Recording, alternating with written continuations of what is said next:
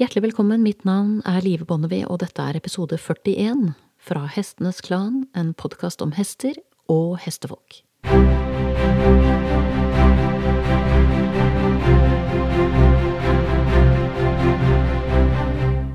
På tampen av fjoråret, nærmere bestemt den 20. desember, så fikk hesten min et stygt kutt over høyre øye, som var helt i gråsonen med tanke på om han trengte å sy eller ikke. Jeg husker datoen godt, blant annet fordi det var en søndag, med dertilhørende helgetillegg. Men siden kuttet var rett over selve øyet, og dette ikke er en del av hestens anatomi man kødder med, så var det aldri noe tema om jeg skulle ringe veterinær samme dag eller ikke. Et par dager før dette så hadde jeg lagt merke til en svak endring i pustemønsteret til hesten min.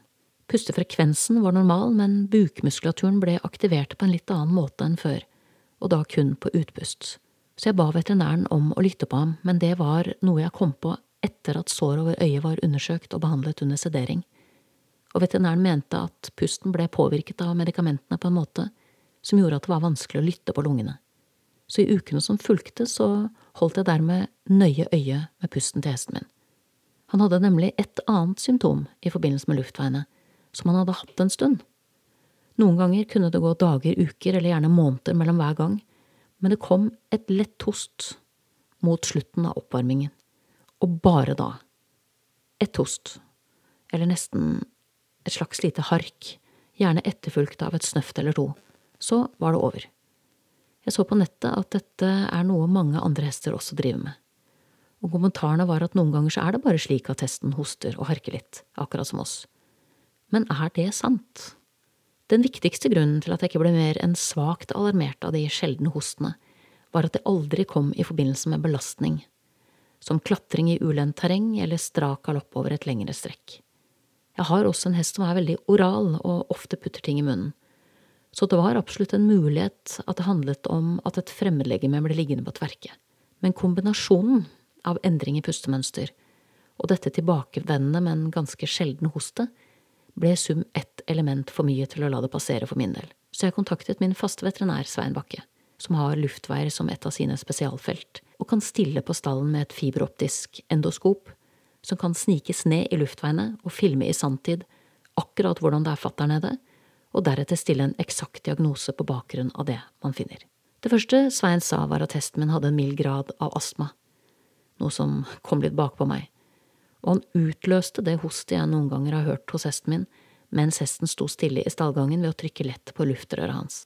Den påfølgende endoskopien avslørte en irritert slimhinne og en del grålig slim i hele lengden av luftrøret, like ned til der luftrøret deler seg og går over i de to hovedbronkene i lungene. Hesten min viste seg å ha en moderat bakteriell betennelse med en del puss og slimklatter i luftveiene. Ut fra hvordan det så ut, så er jeg overrasket over at han hadde så lite symptomer.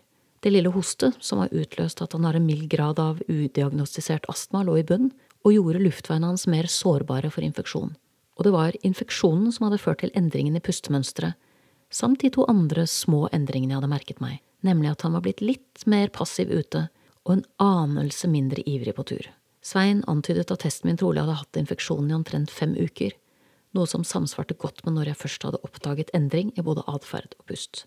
Hesten ble satt på antibiotika og kortikoider, som er et medikament bestående av steroidhormoner som blant annet har en betennelsesdempende effekt, med en plan B dersom dette ikke viser seg å være tilstrekkelig. Og det er omtrent når vi kommer hit jeg anser at dette her er det verdt å si noe om. Faktum er nemlig at hester kan ha ganske mange utfordringer med pusten uten at det blir oppdaget. Det er også verdt å merke seg at luftveislidelser er nummer to på listen etter halthet når vi snakker om lidelser hos hest som fører til nedsatt prestasjonsevne, og dermed også kan komme til å påvirke hestens velferd negativt. Det som slo meg etter besøket av Svein, var hvor mange ganger jeg har hørt hestefolk kommentere at de gir hesten sin naturmedisin knyttet til luftveiene, for eksempel i form av homopati eller urter, men at dette veldig ofte gjøres uten at det er stilt noen form for diagnose. Så man har med andre ord identifisert at hesten har et diffust problem, eller et eller annet mildt symptom på at noe er i gjære, og så kjører man på med diverse remedier som har hjulpet testen til naboen, eller kanskje har blitt anbefalt en gruppetråd på nettet. Mitt spørsmål er om vi er tilstrekkelig bevisste på at hester er mer disponert for for eksempel astma enn våre øvrige domestiserte dyr. Det er sikkert flere grunner til dette, men kombinasjonen av høye krav til prestasjon og et tørt og støvete inneklima er helt klart to relevante faktorer. Jeg var bare ikke klar over hvor vanlig det er med astma hos hest. Ei heller var jeg klar over hvor stygt det kan bli. Dersom en infeksjon som legger seg på toppen, forblir udiagnostisert og ubehandlet utover medier man kan søke opp på nettet på egen hånd.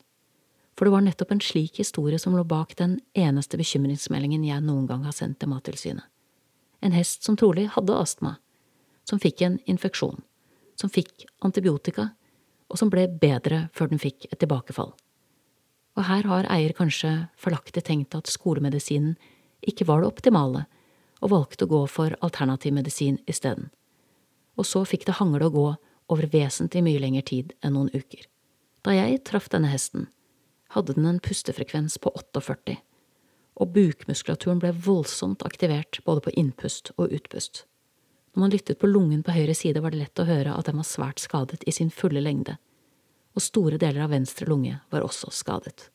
Dette er for øvrig en detalj som er verdt å notere seg nemlig at høyre lunge er mer utsatt for infeksjon enn den venstre, av anatomiske grunner.